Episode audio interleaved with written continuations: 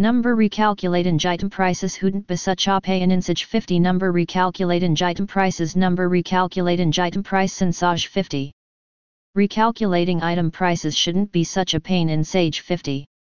Recalculating item prices shouldn't be such a pain in Sage 50. If you want to change prices for all OR part of your items or services in Sage 50, Peachtree, it's easier than you might expect.